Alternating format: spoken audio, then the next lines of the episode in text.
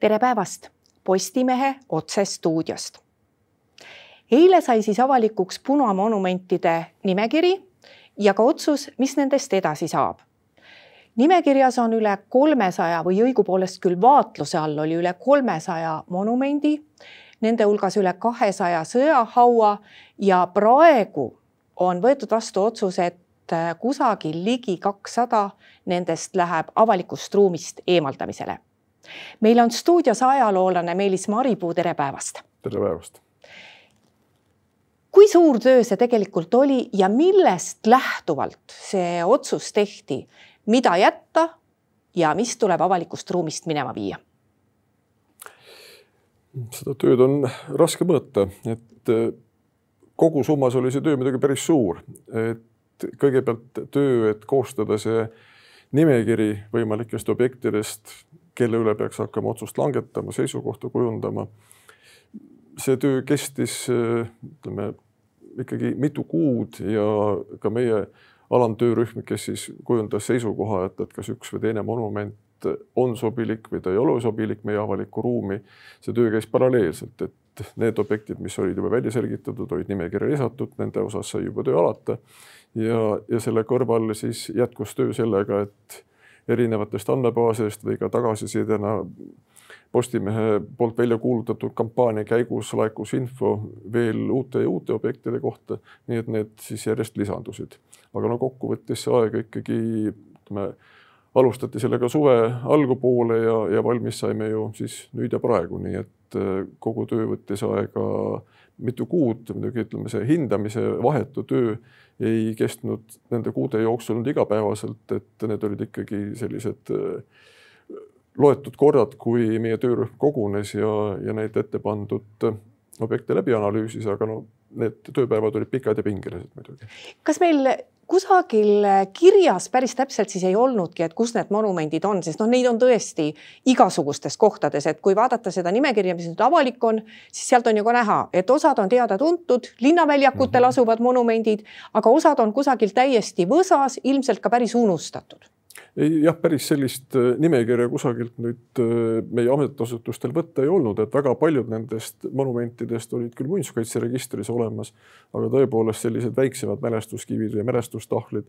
mis olid suhteliselt kõrvalistes kohtades ja ei olnud omal ajal olnud võib-olla ka ideoloogiliselt nii tähtsad, nad ei olnud kujundatud nüüd kunstiliselt mingisuguse sellise kunstiteosena, et neid äh, ei olnud ka kusagil Eesti riigi registrites, nii et nende otsimisega pidid inimesed üksjagu vaeva nägema, noh abi oli muidugi sellest, et selliseid, ütleme, registreid ja nimekirju on koostatud äh, Vene riigi poole peal, et äh, sealsed inimesed, kes langenud punaarmeelaste mälestuse eest hoolt kannavad, on ise neid andmeid kogunud, äh, andnud välja nende kohta raamatuid, nii et noh, see materjal oli kindlasti Eesti poolele suureks toeks ja abiks, aga ega see töö nüüd päris lõppenud ei ole, et pärast eilset, ütleme selle senise nimekirja avalikuks tegemist eilse õhtu jooksul ma läbi tuttavate sain niimoodi märguanded kahe objekti kohta, mis, mis on täiesti olemas ja on lihtsalt sellest nimekirjast välja ununenud või no mitte ununenud, aga nad on jäänud kahe silma vahele, neid ei ole siis olnud registrites ja, ja eks siis tulevik näitab, kuidas nende osas äh, menetlus edasi käib. aga selle ette antud nimekirja puhul meie töörühma töö, ütleme, eks ta kujunes välja suhteliselt rahvaretseks, et äh, kõigepealt äh, esimene aspekt, mida selle juures hinnata, oli vaadata, kas selle ette pandud asja puhul on tegemist äh, matmiskohaga, kas seal on eeldatavasti kas punaarmeelaste või siis tsiviilisikute säilmud, et kas tegemist on ühishauaga ja hauatähisega või on tegemist tõepoolest sellise puhtakujulise ideoloogilistel eesmärkidel püstitatud monumendiga, mis pidi siis lihtsalt kehtestama seda ajaloo narratiivi, mida tolleaegne Nõukogude võim Eestis soovis kinnistada. kui tegemist oli sellise ideoloogilise kultuskohaga või nagu meie endine peaminister Mart Laar on öelnud ka libamälupaigaga ja, ja sellega ei seondunud tegelikult mingeid selliseid, ütleme Eesti rahva seisukohalt ajaloolisi sündmusi. ehk et ta oli püstitatud tõepoolest, ütleme niisiis tühjale kohale selleks, et kinnistada oma ideoloogilist võimu, siis nende puhul ei olnud nagu suuri kõhklusi või kahtlusi, milline võiks olla meie soovitus, et nendel sellistel meie jaoks praegu vaenulikku ideoloogiat kandvatel objektidel ei ole tegelikult meie tänases avalikus ruumis kohta ja need tuleks sealt eemaldada no kõige tuntuma sellise monumendi ehk siis äh, Maarjamäe monumendi puhul jättis komisjon otsuse tegemata. seda ju oodati päris palju ja see on tegelikult ka üsna vastuoluline objekt, kui vaadata seda lugu, mis mhm. selles paigas on, et äh, mis Maarjamäest võiks saada või, või miks seda otsust ei tulnud? See on, ma arvan, on mõistlik, et seda otsust praegu ei tulnud, sellepärast et ütleme, formaalne põhjus, miks seda otsust eh, ei tulnud, oli see, et meie töörühmale ei olnud ka seda ülesannet antud. see oli ka juba Riigikantselei poolt otsustatud, et seda me praegu ei otsusta. kui nüüd see pool kõrvale jätta, et meie käest seda otseselt ei küsitud, kuigi me jah, seda tegelikult omavahel arutasime põgusalt, siis eh, mis ka ütleme, mõeldes riigi seisukohalt, miks seda ei peaks nii kiirkorras ja, ja ütleme ikkagi suhteliselt väikese ringi inimestega otsustama ja, ja tegelikult ka ütleme, alustame sellest, milline on selle koha ajalooline taust. et kui me tahame anda sellele kohale,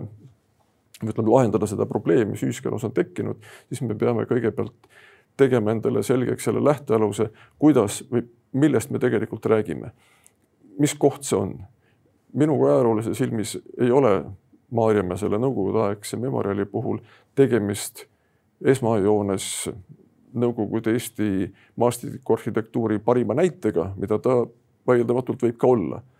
me peame vaatama seda, et tegemist on tegelikult rüüstatud sõjaväekalmistuga, kuhu peale on siis rajatud Nõukogude ajal see memoriaal, mis seal praegu näha on.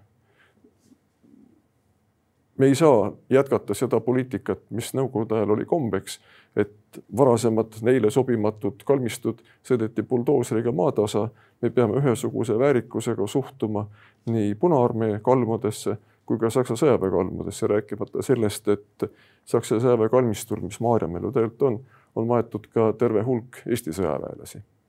nii et meie silmis on lähtekoht see, et me peame kõigepealt vaatama endale, ütleme iseennast ja, ja teisi pooli veenma selles, et me räägime tegelikult kalmistust ja me peame nüüd edasi mõtlema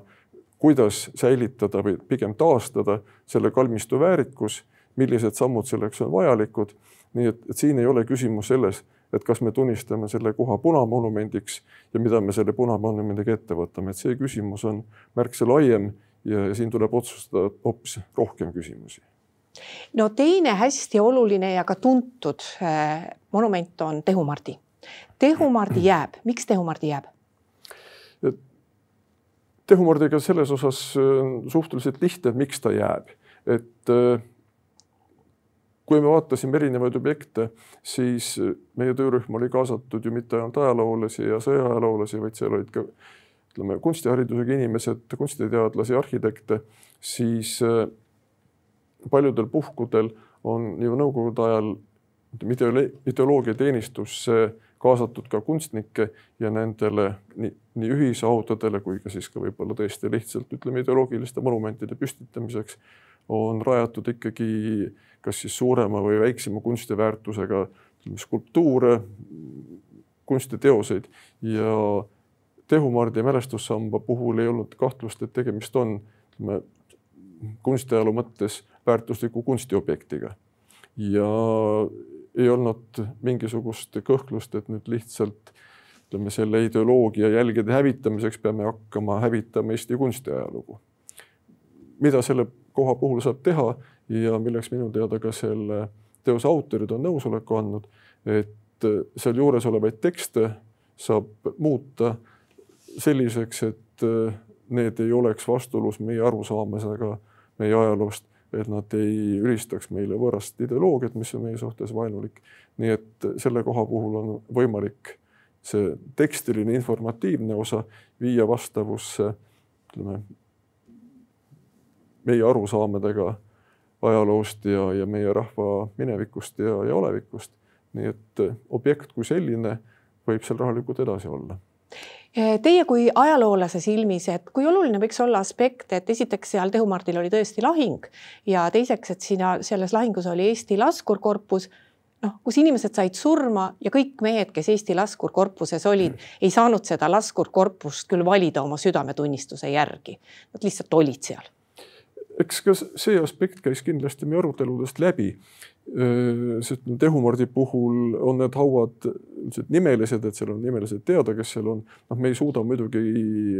meil ei ole reaalselt sellist võimalust, et me suudaksime nüüd kontrollida või tuvastada, et kas tõepoolest need säilmed, kes, mis on sinna maetud, vastavad sellele nimele. aga noh, ütleme olemasolev nimekiri näitab, et seal jah, tõepoolest võiks või peaks olema suur hulk äh, Eesti mehi. Mm. Ja, ja seda kindlasti arutelude käigus ka arvestati, et tegemist on noh, siis meie oma inimestega, kes on sattunud lihtsalt asjaolude sunnil ka valel poole sõdima, kuid noh, see ei olnud tegelikult äh, selline esmane kriteerium, sest äh, nõukogude ajal oli tava, et äh, tava, aga ütleme praktika, et tihtipeale need nimekirjad, mis tekkisid nendele ühishaudadele, võisid olla täiesti formaalsed. sõjakomissariaat kogus mingisuguse hulga nimesid millest lähtudes jumal teab, võib-olla vaadati, et see oleks erinevate rahvuste esindajad, oleks ohvitsere, oleks reamehi. nii et erinevatel matmiskohtadel, kui on seal need nimed, me ei saa tegelikult olla sugugi väga kindlad, et sellesse hauda on maetud just täpselt need inimesed, kelle nimed seal on. noh, ega neid nimesid keegi ei suuda meil hakata kontrollima üle, need nimed jäävad sinna ühishaudadele endiselt alles nii et, äh, et lähtuda nüüd, hakata neid ühishaudu kuidagi lahterdama selle järgi, et kus on maetud eestlased või kui palju eestlasi ja kuhu on maetud võib-olla siis vene rahvusest sõjaväelasi või mingit muust rahvusest. see nagu ei oleks meid äh, kuidagi selle töö juures edasi aidanud.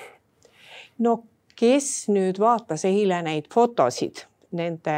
sest osadest nendest samadest monumentidest avaldati ka fotod, siis tõenäoliselt said aru, et eh, ega seal nüüd väga midagi kunstiväärtust ei ole ja tõenäoliselt eh, seda, mida muuseumid endale tahaksid, ka vastava eh, suunitlusega muuseumid, seda tõenäoliselt on ikkagi päris vähe. et ma ei tea, kuidas teile tundus, et kas sealt nagu on midagi võtta, et noh, selge on see, et mingi ajalooline periood, ka siis, kui see on ebaõiglane ja verine, tuleb ikkagi muuseumis säilitada, aga, aga nad on suhteliselt sellised ühesugused kobakad, paljud näevad ka väga koledad välja, et palju seal sellist säilitamisväärset on, mille puhul on üldse mõtet viia see, kas siis hauatähis või mingi muu monument üldse muuseumisse mõtet viia? seda arvu ma ei oska teile öelda ja, ja ma ei ole muidugi kunstiekspert, aga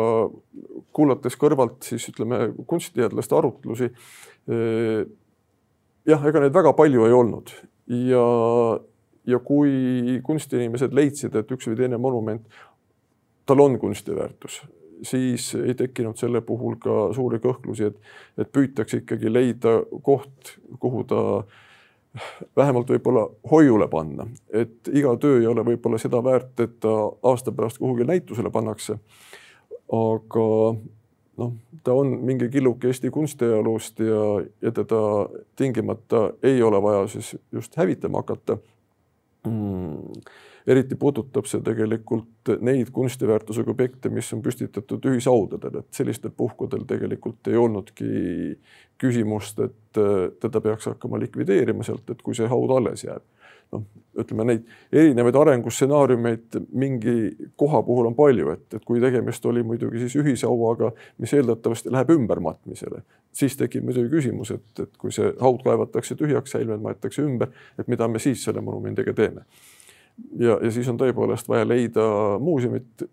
ütleme mingit äh, kultuuriasutust, kes selle objekti enda hoole alla võtab. kui oli tegemist matmiskohaga, mis oli hauale sobilik, et ta jääb puutumata, siis ei ole küsimust, siis ta seisab seal edasi, nii nagu me rääkisime ennem Tehumardi puhul. et noh, neid erinevaid variante, mis võib selle kunstiteosega siis tulevikus juhtuda, on nagu mitmeid, et ja, ja ütleme, kolmas võimalus, kui selline kunstiteos oli paigutatud kohta, kus ei ole ühishauda, siis tõepoolest on vaja talle leida koht kusagil äh, sobilikus muuseumis, kas kohalikus või mõnes üleriigilises? no meil on neid hääli, kes ütlevad, et noh, et jätke see ajalugu rahule, et need monumendid on seal olnud sõja lõpust saadik, las nad seisavad veel, aga vot neid hääli ei ole liiga palju, sest eestlased üldiselt ei ole sellised monumendi usku rahvas. et äh, kui meie vaatame kasvõi neid äh, meie endi monumente, siis ega meil ju inimesed ei käi seal, isegi mitte tähtpäevadel väga, et meil on ju see suurepärane küüditamise ja küüditatute monument Maarjamäel ja seal tõesti tähtpäevadel inimesed käivad. see on väga hästi tehtud, aga seal ei käida palju. et äh, selles mõttes monument kui selline, isegi kui ta on meie oma, jätab meid suhteliselt külmaks. ometi tuleks küsida, et et äh, miks meid kolmkümmend aastat tagasi ikkagi jättis nii külmaks äh, see suur hulk Nõukogude ideoloogiat propageerivaid monumente, sest me siin tõime, ma tõin ka korra alguses arvud ja neid on tõesti palju mm -hmm. ja kui me võtame võrdlusena, et kui palju me siis äh, selle kolmekümne taasiseseisvumise aasta jooksul oleme püstitanud neid monumente, mis on mõeldud kommunismi ohvritele, siis neid on kübeke ainult. et miks me miks me oleme sellised, et me kolmkümmend aastat nagu talusime seda? no võib-olla talusimegi sellepärast, et, et eestlased tõesti ei ole selline väga suur monumendirahvas, et, et see meile üleliia korda läheks, et võib-olla siis ei läinud ka korda see, et, et kui siin seisavad kellegi teise monumendid, mis meile iseenesest vastukarv on, aga kui meil nagunii monumentides suurt asja ei ole, et noh, seisavad ja, ja noh, kui mõelda tagasi üheksakümnendate aastate alguse peale, ehk siis muidugi riigi ees seisis hulk palju pakilisemaid küsimusi, et, et ütleme sellises ratsionaalsest seisukohast võib aru saada, et miks nad tol ajal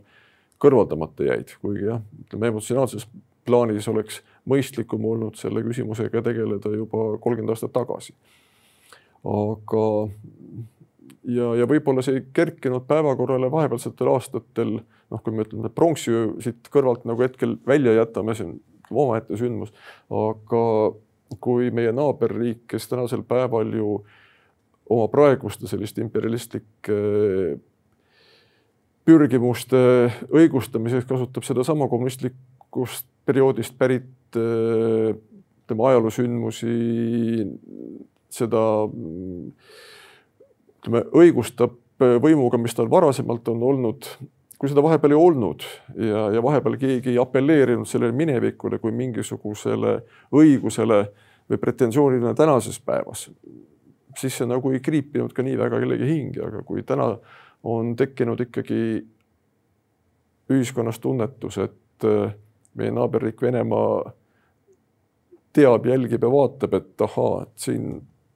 üle kogu teie maa on need minu monumendid, need on minu jalajäljed siin. Ja, ja need äh, jalajäljed äh, ütleme, ei tohiks rohtuda, et, et et ma ootan võib-olla aega, kus ma tulen niimoodi neid uuesti üle vaatama ja see on minu territoorium, vähemalt ütleme,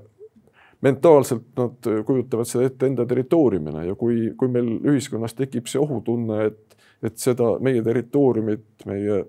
idanaaber näeb enda valdusena, siis ei ole küll põhjust oodata, et miks need tema maamärgid peaksid meil siin edasi seisma kuulge, kui te juba pronksiööd meenutasite, siis eh, mis sellest pronkssõdurist saab? see on ka üks nendest eh, neljast punktist, mis oli meie töörühmale antud ülesandena mitte lahendada. ühesõnaga, et, et see on keerulisem ja komplekssem küsimus, mida siis eelkõige kaitseministeerium, kuna ta on kaitseväe kalmistul, siis kaitseminister oma valdusalas eh, peab edaspidi lahendama, et, et see hetkel praegu ütleme sellest ringist jääb, jääb kõrvale, sest Kaitseväe kalmistu tervikuna, seal ei ole ainult pronkssõdur, et, et seal on veel suur hulk nõukogudeaegseid äh, punaväelaste matmiskohti ja ka fiktiivseid matmiskohti, nii et, et seda lahendatakse mingil hetkel siis Kaitseministeeriumis juba kogu Kaitseväe kalmistu kontekstis. no neid ühishaudu oli ikkagi märkimisväärselt palju. Et eh, kas eh, praegu on ka teada, et kuhu üldse on võimalik ümber matta ja kui pikk see protsess on, sest talv tuleb peale ja tõenäoliselt selle ümbermatmisega ikkagi päris südatalvel tegeleda ei saa. No tõenäoliselt mitte, et, et vahetult selle tööga tegeleb meil Sõjamuuseum, kellel on olemas selleks välja õppinud inimesed ja, ja ja on päris kindel jah, et nad ennem seda saabuvat talve kogu selle tööga ei suuda valmis saada ma kujutan ette, et nad isegi ei oska praegu päris täpselt prognoosida, palju see aega võtab, sellepärast et eh, ega tegelik töömaht selgub alles siis, kui see üks või teine ühishaud avatakse, sest üks asi on küll see olemasolev selline ametlik info või ka kuulujuttude alus olev info, et kui palju siin inimesi peaks maetud olema, aga see tegelik olukord võib olla hoopis teistsugune, et neil on juba näiteid, kus äh, väidetavas äh, ühishauas ei ole ühtegi adunukest olnud või neid seal võib olla kordades rohkem, kui esialgu kirjas oli. nii et see on üsnagi ennustamatu asi, aga kuhu need maetakse, et need lahendused on ka erinevad, et et selle puhul ma tean, püütakse leida võimalikult ütleme samas piirkonnas asuv Punaarmee ühishaud, mis äh, alles jääb, mis on sobilikus kohas, sest eks neid ühishaudu on ka kalmistutel või, või siis muidu ütleme kohas, kus ta avalikkust kuidagi ei häiri ja riiva, et lihtsalt neid ütleme siis koondatakse võimalikult vähestesse kohtadesse ja sinna paigutatakse siis sellised äh, neutraalsed hauatähised. et tähistatuks nad jäävad kindlasti ja, ja lihtsalt see kohtade arv väheneb no teie olete üks väheseid selle komisjoni liikmeid, keda me teame. ehk siis, kes on avalik. miks see kõik nii salajane pidi olema, et kas tõepoolest kogu teie meeskond oli huvitatud sellest, et nende nimesid ei öeldaks välja ja miks teil selle vastu midagi ei ole? ma nende heade kaaslaste käest, kes selles töörühmas töötasid, ega ma ausalt öelda ei küsinud nende käest, et, et kas nad on vastu või poolt miks Riigikantselei või valitsus äh, otsustas täpselt sellisel kombel selle töö korraldada? Mm, sellele ma ei oska vastata, sest see oli nende otsus, millised argumendid nendel olid selleks, ma ei oska öelda. Äh, ilmselt nendel siis olid sellised argumendid ja ega meile ei jäänud ju muud üle, kui siis lähtuda nendest mängureeglitest, mille alusel töörühm tööle hakkas. mida võib-olla võib öelda et, et kui ma, mul ei ole nagu põhjust öelda või hinnata, et, et kas see oli õige või vale otsus niimoodi talitada. mida see endaga küll minu kui lihtsalt töörühma liikme silmis kaasa tõi, oli see, et et see tõi kaasa ühiskonnas suure hulga sellist täiesti tarbetut ja tihti üsna sisutühja lahmimist teemadel, ütleme laadis üks räägib aiast, teine aiaaugust, sellepärast et ega inimesed ei teadnud, millega töörühm tegeleb räägiti millest iganes, mis kellelegi pähe tuli, töötati välja teooriaid, mis äh, läksid täiesti eri suundades, nii et noh, sellist äh, kära, tarbetut kära meedias ja sotsiaalmeedias oli muidugi tohutult, mis oleks võinud olemata olla, kui see töö oleks korraldatud võib-olla teisiti, aga võib-olla siis olid piisavad argumendid, et see töö korraldada just selliselt ja, ja las see kära siis toimub ja nüüd, kui see töö tulemused on avalikuks saanud, ma usun, et, et see kära ka vaibub, sest inimestel on näha, mida tehti, mis on see tulemus ja, ja võib-olla leiavad inimesed siis äh, rahu. no ja lõppkokkuvõttes annab see ikkagi võimalusi ka natuke ajalooliselt seletada, kuidas need mälestusmärgid tekkisid, sest et praegu on väga paljudel selline tunne, et sõdureid said sõjas surma täpselt teati, kes sinna hauda on ja siis pandi kohe mälestusmärk mm. -hmm. aga tegelikult, no, äh, tegelikult on ju need teed pandud ka neid kogu Ida-Euroopasse on neid teise maailmasõja ja venelaste tegusid heroiseerivaid mälestusmärke paigutatud ka kümneid aastaid hiljem. jah, loomulikult, et ega see oli mingil hetkel ka selline poliitika, et, et igas sellises ütleme, olulisemas keskuses peab olema selline mingi asi ja noh, kui seal ennem ei olnud, siis tekitame ja, ja noh, eks need tekitati selliselt äh, täiesti tühjale kohale ei, ei millegile või, või ka või ega ütleme see, kui me praegu räägime, osad inimesed pahandavad, et see säilmete ümbermatmine ei ole nagu eetiline. kadunukesed peaksid saama rahus puhata, et ega need ühishauad, mis sellistesse avalikesse kohtadesse tekitati nõukogude ajal, ega ka need sündisid ju paljud juba ümbermatmise tulemusena, et lihtsalt äh, hukkunud punaarmeelased, kes olid kusagil selles piirkonnas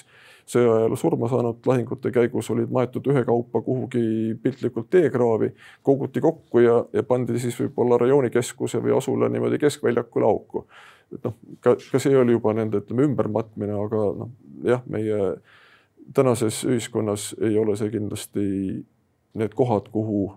me peaksime jätma need punaarmeelaste kalmud, et aitäh, Meelis Maripuu ühinemast meie saatega. palun. aitäh ka kõigile neile, kes meid vaatasid. nii palju veel, et meie järgmine otsesaade on eetris nüüd juba homme. seniks lugege uudiseid postimees.ee